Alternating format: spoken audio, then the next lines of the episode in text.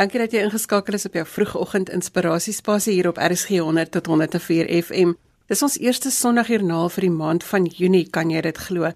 Ons gesels geloofsake en godsdienst tot en met die 8 uur nuus. Ek is Liselde Brein en saam met my in die ateljee is Robin van der Rede. Goeiemôre Lisel. Ek moet bieg, ek sien uit na heerlike kuier saam met jou terwyl ons geloofsake gesels. Maar voordat ons verder gaan, wil ek daarom net vir jou sê baie geluk met jou verjaarsdag vandag. Dankie, dis lekker om jou op my verjaarsdag hier by die span te verwelkom. Vanoggend hoor ons van Gabri Viljoen en Annelie Strydom wat albei deel is van die Atlete vir Christus toer wat tydens die Junie-Julie vakansie plaasvind. En ons luister ook na Dominee Irenay Heinz en Margriet Niman wat vertel van hulle ervarings tydens 'n Atlete vir Christus uitreik. Ons gesels ook met die sokkerafrigter Ben Maree en Dominee Brian Handel en Priscilla Anthony van Bishop Lywes kom hulle storie met ons deel. Vir inligting oor ons gaste en onderwerpe of as jy sommer net wil hallo sê, kan jy gerus by ons Facebookblad 'n draai gaan maak. Eintlik het jy ver oggend die ideale geleentheid om daar 'n boodskap te los sodat jy vir Lisel geluk kan wens met haar verjaarsdag. Jy kan dit sommer ook per SMS doen by 45770 teen R1.50 per SMS. Jy kan ons ook hoor op DStv se audiokanaal 813.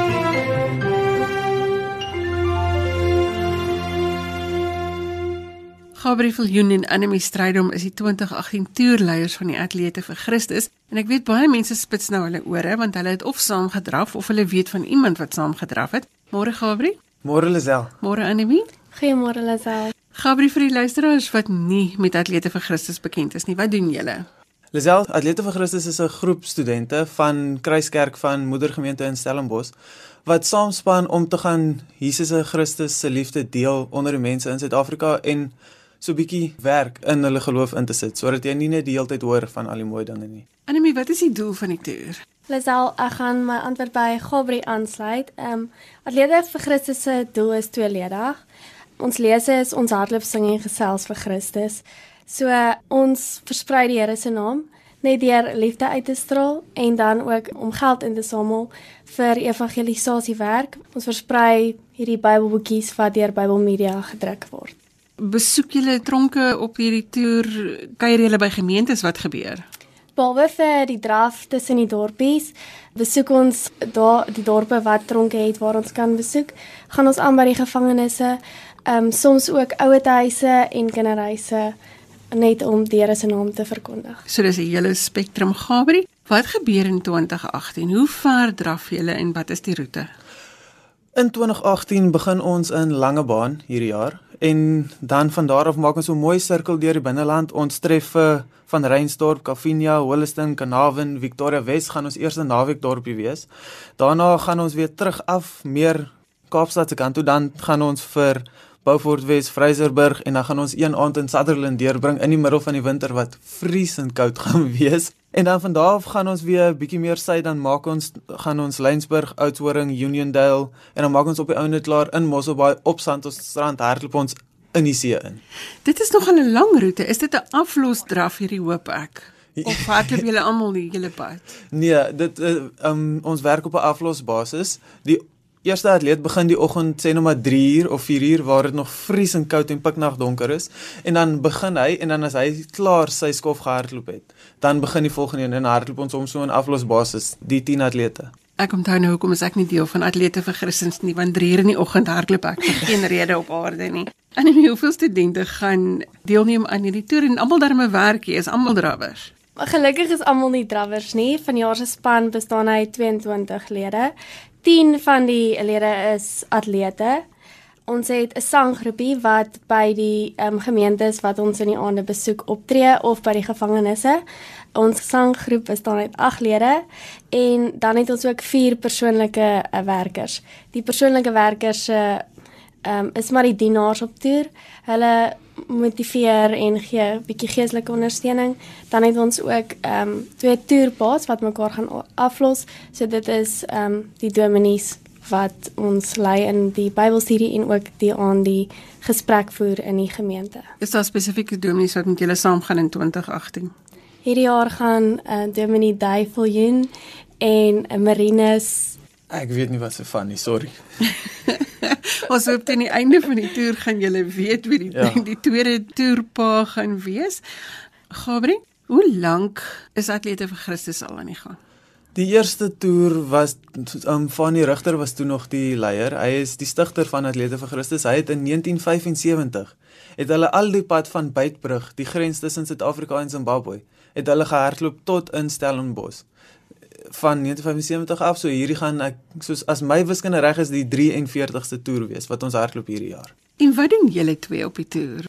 Ons is albei ehm um, met ons afsonderlike doel op toer. Ek gaan hierdie jaar draf, so ek is deel van die atlete en Gabri gaan 'n persoonlike werker wees.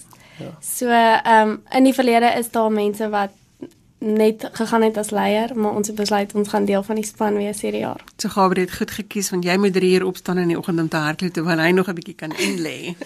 ja, maar ek gaan hierdie jaar saam as 'n persoonlike werker en dit is nie so maklik soos wat dit klink nie. Ons is die mense wat die eintlike harde werk doen. Ons moet as hulle 3 uur die oggend begin draf, moet ons die busie ry. Ons moet hulle was as hulle klaar gehardloop het. Ons moet na hulle kyk. So hulle draf, maar on, ons kyk na hulle. En so gerakos is vir hulle, nê. Nee. Sorg dat hulle volmagies het. Kan ek vra wat beteken dit vir julle geloofslewe? Julle was nou al elkeen op 'n toer gewees. Wat gebeur met jou geloofslewe as jy so op die pad is? Anemie, jy's 'n drawer. Vir my persoonlik verlede jaar het ek ook gedraf en ek dink wat die meeste uitgestaan het is wanneer jy moeg is en voel jy kan nie meer nie. En ehm um, hierdie ek weet ek het verby 'n bordjie gehardloop wat gesê die volgende dorp is 10 km en dan draf jy binne die dorpie in om te dink jy het die krag van die Here om daarin te gaan soos daai 10 km met jou voete af te lê terwyl motors dieselfde ehm um, afstand af lê. So ja, en net die teenwoordigheid van die Here langs my te voel dit het op 'n tyd letterlik gevoel of daar iemand langs my is. So ek het persoonlik baie gegroei en baie geleer op toer en dis waarom ek hierdie jare leier is om dieselfde um, omgewing te skep om vir ander dieselfde ervaring te gee. Ek vermoed jy leer so 'n bietjie van hoe afhanklik jy is, nê? Nee, Beslis. Van dit wat jy nie self kan doen nie. Gabriel vir jou, wat het dit vir jou geloofslewe beteken? Sel, ek het nou ook al 2 jaar gedraf, maar hierdie jaar gaan ek saam as 'n persoonlike werker. Nou, die, in my vorige 2 jaar se draf het ek verskriklik baie emosioneel gegroei want om so lank so ver van die huis af te wees, dan dit dit maak jou rou en dit maak jou dit forceer jou om na jouself te kyk en te sien waar is jou tekortkomme, waar is jy eintlik nogal alright.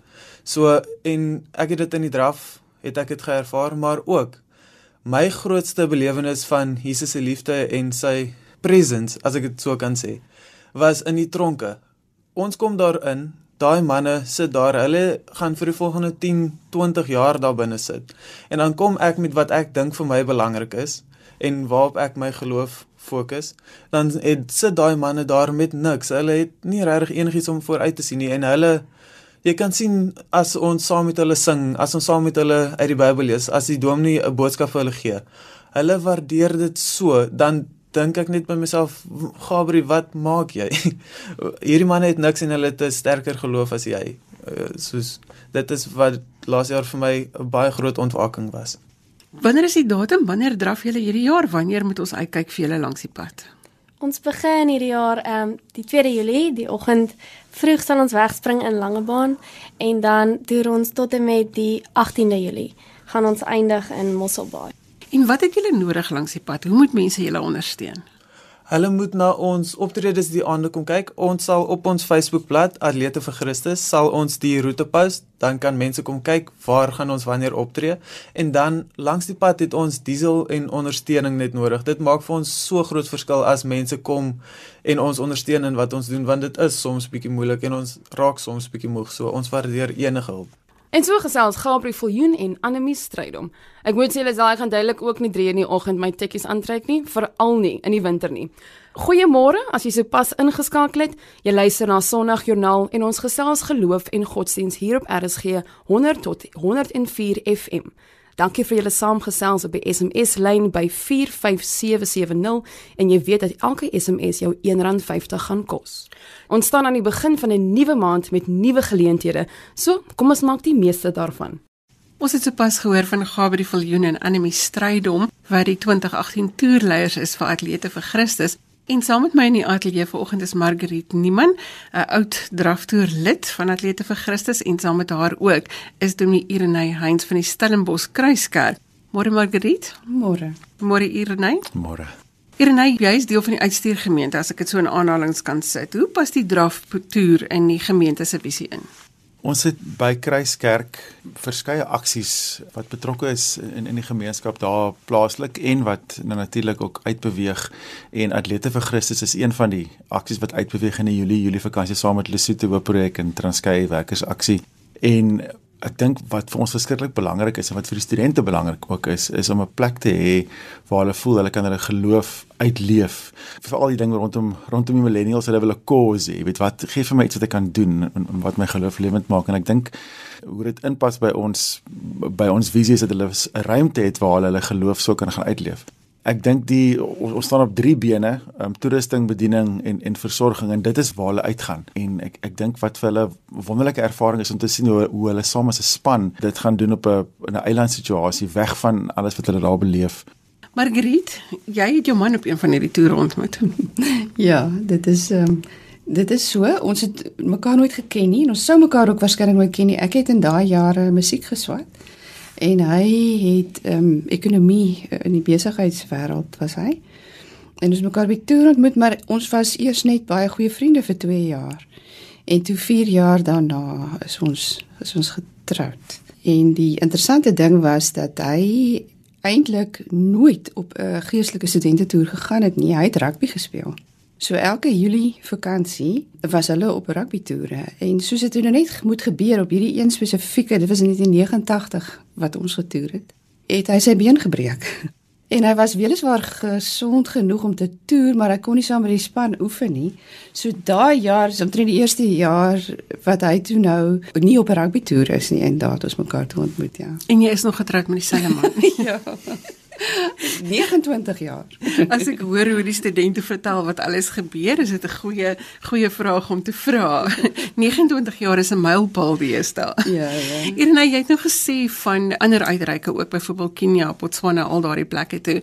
Hoe dink jy verskil hierdie toer waar die studente eintlik naby aan die huis bly, maar tog op die pad is, van 'n toer waar hulle vir langer byvoorbeeld op een plek sal wees? Ja, dit was nogal my voorreg om 2 jaar terug saam met hulle te toer en dit eerste rand te ervaar saam met hulle. Ek dink die groot verskil is hulle is baie meer aangewese op mekaar net hulle spandeer baie tyd met mekaar op pad natuurlik in die in die bus saam en en in die kleiner eh, voertuig wat die atlete nou ook, ook saam met hulle ry.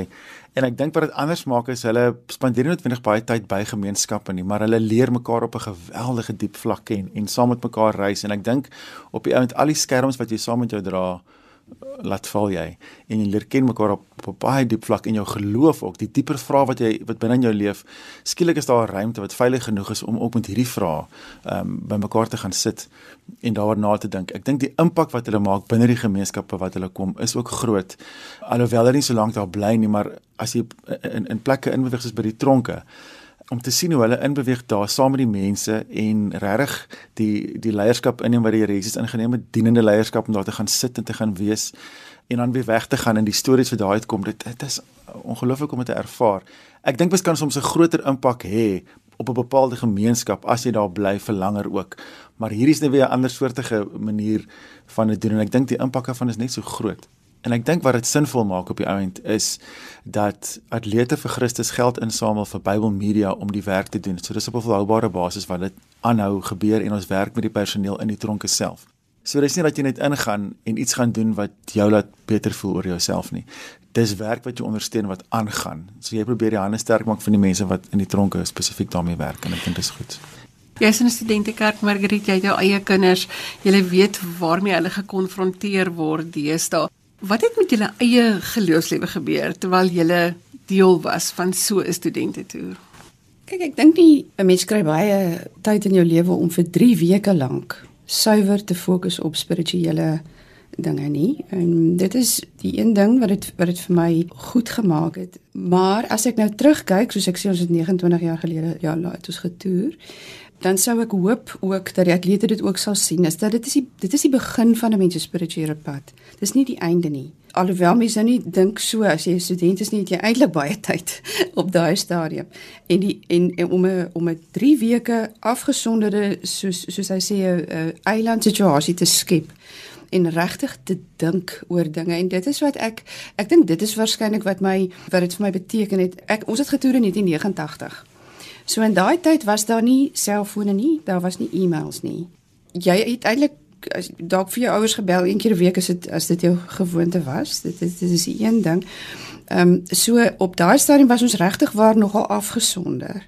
Maar dit is die begin stadium gewees van ons reis. Veral in 1989 was dit mense was nogal ongemaklik met ongemaklike vrae. Mense eintlik van mekaar moet verskil want dit dit maak dat ons dink, dit maak dat ons groei. Dat daar gesonde debat gevoer kan Absoluut. word. Kernay vir jou? Ja, ehm um, ek dink die wonderlike van hierdie is om te sien hoe hulle dieper in die vrae aangaan. Presies wat wat Margarita nou sê. Ek dink die belangrikste vraag wat jy jouself afvra as jy ehm um, as as tiener is is wie is ek? En dan as jy student raak is die groot vraag nou maar wat gaan ek met my lewe maak? En om om binne dit vir hulle daai ruimte te kan te kan gee, weet, ouens sê so maklik, weet Jesus is die antwoord, nee, maar maar op watter vraag? Ja, en wat is die dieper vraag wat binne in jou leef om en en dat God nie bedreig voel deur ons vra nie en wat ons vra nie en ehm um, ons nie sy eers skade aan doen om dit te vra nie en dit raak die ruimte waar dit gebeur. So dit was vir my die ongelooflike om saam met hulle te beleef ook daai tyd op hulle reis om te sien dat hulle eerlik genoeg is om die vrae te vra en agter te kom ook maar weet jy niemand het eintlik al hierdie vrae alles volledig uh, uitgefigure nie. Een van my kollegas sê altyd die lewe gaan nie daaroor om goeie antwoorde te gee nie, maar om die regte vrae te kan vra. En en ek dink as ouens agterkom, maar goed, ons kan saam reis ook in 'n geloofsgemeenskap hier vanuit 'n gemeente en ons kan in hierdie ruimte tuiskom waar ons okay is by mekaar en ons kwesbaarheid kan wys, kan maar die Engelse woord sê, ons vulnerability vir mekaar kan wys en kan sê, weet jy, ons stap agter die Here Jesus aan stel dit seker vir alles, maar ons glo binne dit Here hou aan om ons te nooi agter hom aan en dis genoeg. So dis wonderlik om dit te kon ervaar. Soveel lewenslesse wat ons kan leer uit 'n paar jong mense wat voet vir voet, een voet voor die ander op die pad gaan draf. Baie dankie vir julle saamgesels vanoggend Margriet en Irene. Dankie Lisel. Dankie Lisel. Jy is ingeskakel op Sondagjoernaal waar ons gesels met mense oor hulle belewenis van godsdiens en geloof. Ons bly by die tema van sport vanoggend.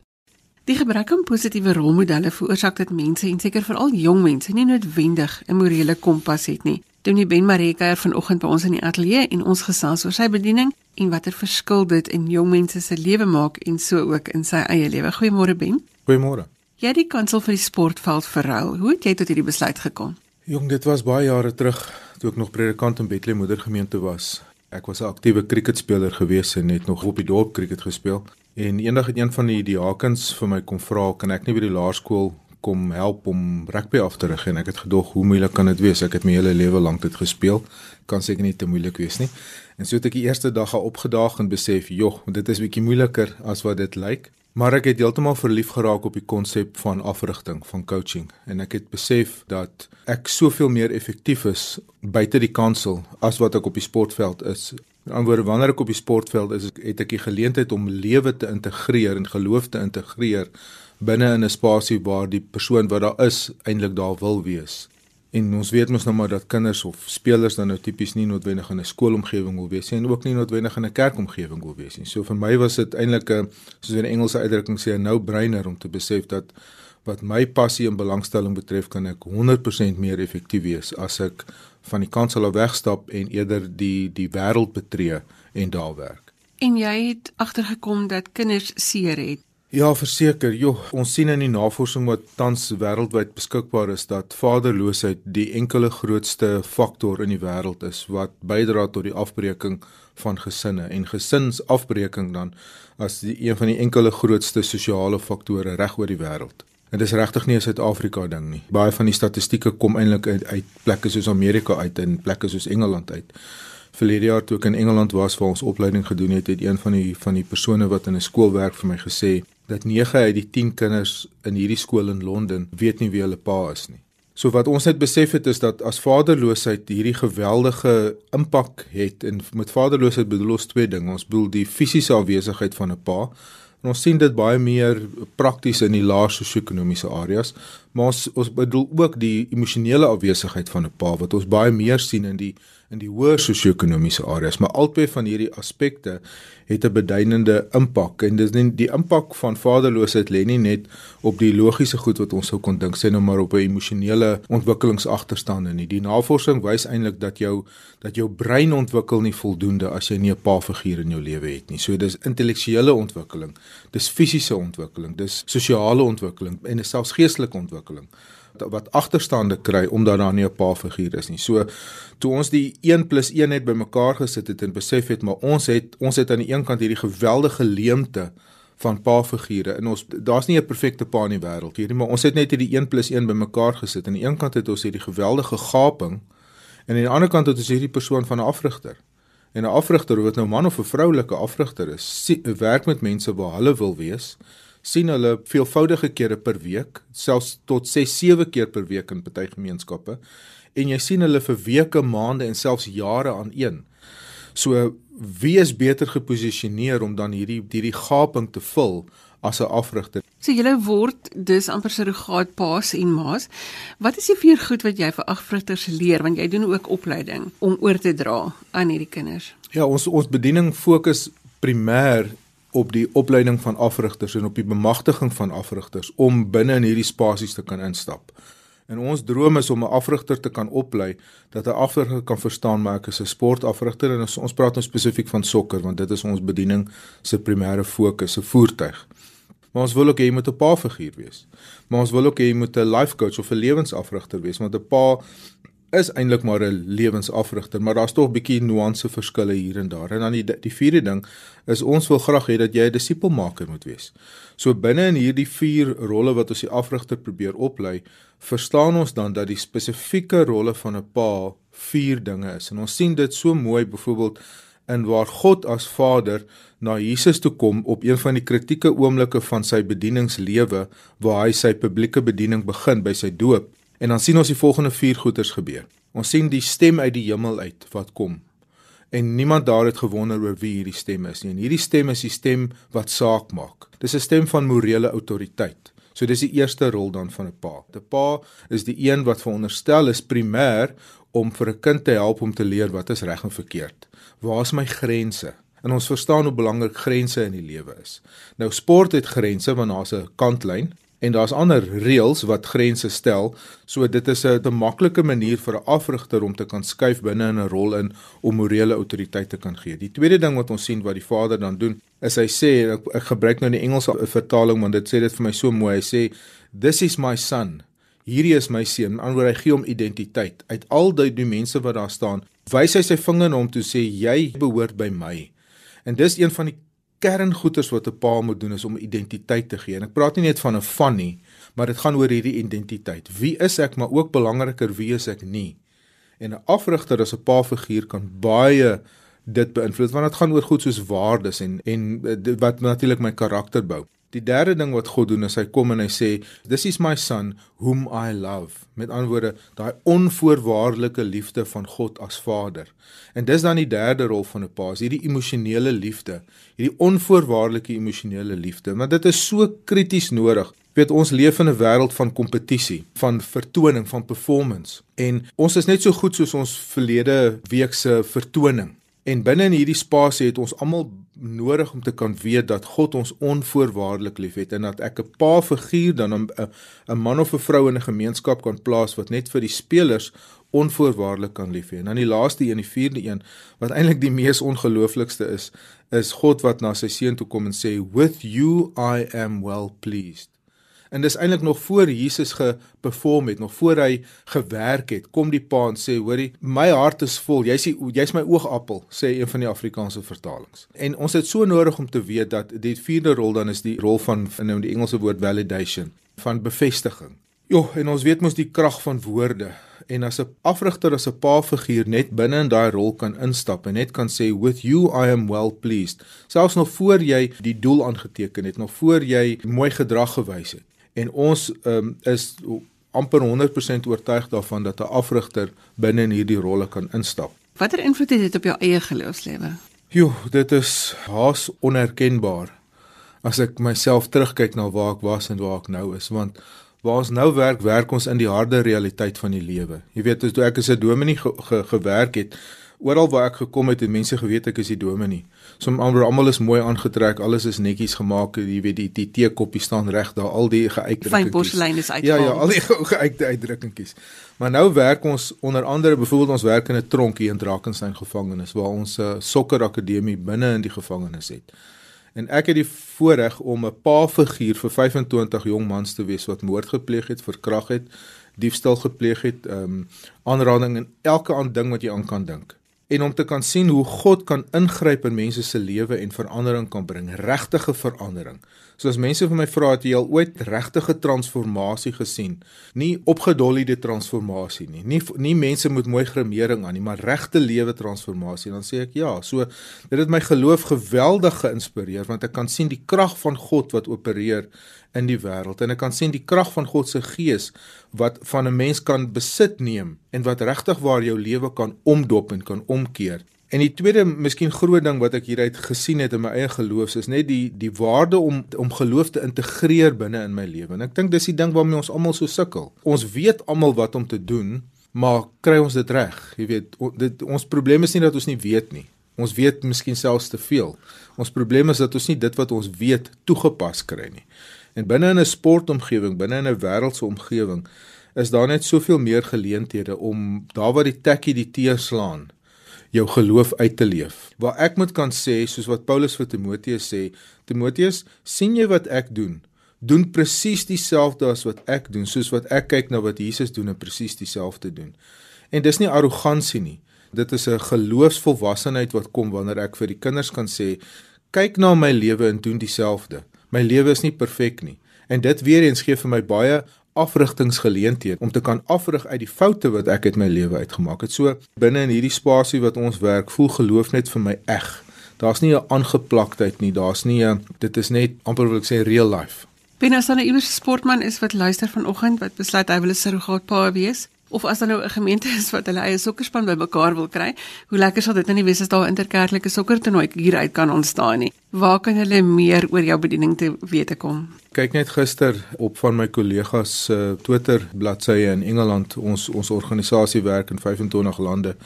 En hierdie naweek in Engeland het hulle interchurch sokker toernament gehad. En ek dink daar was duisende mense van verskillende kerke wat saam sokker gespeel het. So ja, verseker. In die Afrikaanse konteks natuurlik is sokker nie 'n bekende ding nie. Dis nie 'n kultuur sport nie. En dis een van die redes ook hoekom ek oorgeskuif het van dit wat vir my bekend was, rugby en cricket, na sokker toe, want ek het regtig gevoel dat God my hart aanraak en sê As my hart breek vir die nasie soos wat God se hart breek vir Suid-Afrika, dan moet ek bereid wees om te skuif na die taal van die nasie toe. Die taal van die nasie in Suid-Afrika is sokker, want 85+% wat nie wit en Afrikaans is soos wat ek is nie. So ons probeer om vir gemeentes om te help om te verstaan die waarde daarvan om te belê in mense wat kinders en en met mense werk op 'n spasie waar hulle wil wees.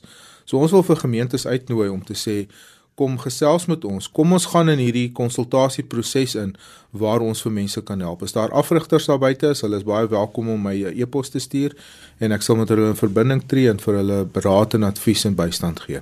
En Ben se e-posadres is bmare@ambassadorsfootball.org. So dis bmare@ambassadorsfootball.org. Of jy kan ook gaan kyk by ambassadorsfootball.org www.org by www. Ben baie dankie vir die saamgesels vanoggend. Baie dankie. Die stem daarvan Ben Maree. Jy luister na Sondagjoernaal vir die wat sopas by ons aangesluit het. Ons gesels met mense oor hulle leefwêreld en hoe geloof 'n verskil maak. SMS verjaarsdagwense vir Lazel na 45770 teen R1.50 per SMS of gaan los vir ons 'n boodskap op Sondagjoernaal se Facebook bladsy. Jy sal sommer ook ons gaste se kontak detail daar kan kry. Om mee af te sluit hoor ons van 'n gemeente in Bishop Lywes. Demi Brian Handel is van die Bishops Lywes VGK gemeente. Hulle het onlangs die eerste sertifikate vir hulle gemeentebegeleiers uitgedeel en hy vertel vanoggend vir ons hiervan. Goeiemôre Demi Handel. Goeiemôre, Lisel. Ons gesels ook met Priscilla Anthony. Goeiemôre Priscilla. Goeiemôre Lisel. Demi Handel, verskets ons die landskap van die area waarin jy woon en werk. Ek woon en werk in Bishop Lywes. Uh is 'n veerkragtige gemeenskap, die Kaapse vlakte, net so naby die Kaapstad internasionale lughawe geleë. En in ons gemeenskap 'n ledetal van omtrent tussen 48000 en 62000 inwoners en ek is tans predikant hier van die VGK en ons het so 'n lidmaattaal van so 900 lidmate. Ons gemeente en gemeenskap uitdagings is maar waarmee baie gemeenskappe in ons land te doen het, naamlik armoede, werkloosheid, bende geweld en huishoudelike geweld. Dis maar 'n kort lesel ons uh, van my landskap waar ek woon en werk. Ons het verwys na die gemeentebegeleiers. Hoe het julle besluit om gemeentebegeleiers aan te stel en wat doen hulle? Ons gemeentebegeleiers, ons is tans 3 van die VGK vanuit 'n getal van 25 um, gemeente of wat ons ook noem gemeenskapbegeleiers en hierdie is maar 'n projek van die geestelike leiersforum van Bishop Lewis wat ons oog en gevra het heeltyd hoe kan ons 'n impak maak in ons gemeenskap en ons het besluit om hierdie intervensie te loods. Ons het dit in hierdie jaar in Maart maand geloods en die doel is om gemeente of gemeenskap geleiers op te lei in wat ons saam met Midway noem gemeenskapbegeleiding of in Engels noem hulle dit community coaching. Ons het 'n netwerk van omtrent so 41 gemeentes of geloofsgemeenskappe genader in Bishopleiders en daar het omtrent 6 van hierdie uh, uh, netwerk het gereageer waarvan ons tans 25 lede van 6 kerke of geloofsgemeenskappe opgelei het. Priscilla, as ek vir jou kan vra, jy is nou een van hierdie gemeentebegeleiers wat jou sertifikaat ontvang het. Wat is dit wat jy moet doen? Wat ons wel doen is om mense wat byvoorbeeld 'n behoefte het uh, in enige area van hulle lewe om vir hulle 'n bietjie 'n souwys te maak omtrent die lewe en hoe mens jou probleme hanteer en kyk of jy vir hulle kan help sonder om vir hulle regtig self die ding te doen jy vir hulle te bemagtig om hulle eie probleme te help, maar nie vir hulle die in hoe hulle mense nou sê die die inligting kan gee sodat hulle self hulle eie probleme kan uitsorteer. Het jy nou om met mense in die gemeenskap gewerk? Wat is jou ervaring van van hierdie ondersteuning wat jy gaan bied? Maak dit 'n verskil? Heeltemal 'n verskil. Ek het byvoorbeeld 'n dame die 15de Januarie ontmoet en toe Dominee Handel vir my vra om om deel te wees van hierdie training was dit een van die beste dinge wat my met my kon gebeur het. Ek het onmiddellik geweet dat hierdie dame gaan ek neem as my mentor. Ek sal vir haar aan die hand neem. En uh, uh um weet jy wat vir my verbasend was? Was die feit dat ek gedink het ek kan vir haar sommer gou kyk regsig en reg help. Maar dit my verbasing moet ek 'n paar goedjies aanleer En een van die groot dinge wat ek op hierdie training geleer het was uh, dat 'n mens as jy byvoorbeeld met 'n persoon werk wat 'n alkoholprobleem het, dan kyk jy nie die alkohol nie. Jy kyk na die borstel van die probleem. En wat vir my baie nice was, was die feit dat ek 'n groot verskil in myself ontdek voordat ek die persoon kon help. En ag, ek kan ek kan nou praat van om iemand aan die hand te vat en 'n bietjie te help uh, alles is 'n daglikse proses. As ek mag vra, watter impak het hierdie werk wat jy nou doen om hulp uit te reik en so aan op jou geloofslewe? Op my geloofslewe dat ek dat ek dit so stel, uh, die dame met wie uh, ek tans werk, uh, um is 'n alkoholist en ek kan my beloof sy gaan nooit weer drink nie. En maar drie weke later toe sy weer teruggeval. En dit was dit vir my een van die grootste skokke want ek het gedink ek gaan dit sommer 1 2 3 reg kry. Maar soos ek nou al reeds gesê het, dit is nie so maklik nie. Maar wat ek nou sien is jy die regte benadering het dan werk dinge uit. Ek het 'n voorbeeld hierdie dame by twee mense wat sy nou werk. Sy kan haarself help finansiëel, sy kan beter slaap. Ek het vir byvoorbeeld 'n uh, 'n daaraan herinner dat sy eintlik bevoorreg is om 'n grant te kry want sy kry een is en ek het haar verduidelik dat weet jy jy's een van die gelukkigste mense omdat jy kry 'n disability vir wat jy die Here eintlik baie dankbaar vir moet wees want daar is duisende mense daar buite wat baie graag ook 'n disability wil hê en ek dink dit is vir haar 'n bietjie laat dink ek sal nog sien hoe dit in die toekoms gaan, maar vir my lyk dit op die oomblik baie goed. So jy help mense om hulle weer 'n goeie selfbeeld te gee en net weer selfvertroue te gee. Brian in jou gemeenskap en jou gemeente, watter rol speel geloof? Ek geloof is vir ons van kardinale belang en veral vir hierdie projek, hierdie gemeente gemeenskap begeleier projek het ons as Christelike leiers eintlik besef dat ons saam in Bishop bly was al die geloofsgemeenskappe saam het ons net 26% geloofsimpak. En dit het ons laat besef dat ons moet graag hierdie impak vergroot oor die volgende 3 tot 5 jaar. Hoe geloof, ons persoonlike geloof in God, in Jesus en in die lewensveranderde werk van die Heilige Gees is eintlik ons dryfveer En daarom het ons ons hierdie begeleiers laat oplei het ons vir hulle gevra sal julle onbeskaamd wil getuig van julle geloof in God en in Jesus en in die Heilige Gees en al 25 het onbeskaamd ja gesê so geloof ons geloof in die gemeente maar ook in die gemeenskap is eintlik ons dryfveer agter hierdie projek En dit is so belangrik dat mense net weer vir mense moet menswaardigheid gee in die lewe. Demi Brian, Priscilla baie dankie vir die saamgesels vanoggend. Baie baie dankie Priscilla. Lisel het gesels met Dominie Brian Handel en Priscilla Anthony. daarmee is ons vereers aan die einde van vandag se Sondagjoernaal. Onthou, jy kan ons ook op potgooi kry op RSG se webwerf by rsg.co.za. Volgende Sondag is ons weer hier op dieselfde tyd met nuwe stories uit die wêreld van geloof en godsdiens. Stuur gerus vir my 'n e-pos as jy jou storie met ons wil deel by lazel@wwmedia.co.za. As jy nou vinnig na daai potlood wil gryp, ek gaan dit herhaal. Dis lazel L E Z E L E by wwmedia.co.za en let daarop dat daar net twee wees is. Ons gaste vanoggend was Gabriel Viljoen en Annelie Strydom, Dominee Irene Heinz en Margaret Niemann sokkerafrigter Ben Maree en Dominee Brian Handel en Priscilla Anthony van Bishop Lywes. Ek groet ook namens produksieregisseur Neil Roo agter die kontroles en daarmee saam hoop ons dat jou Sondag 'n geseënde dag sal wees. Tot volgende week, totsiens.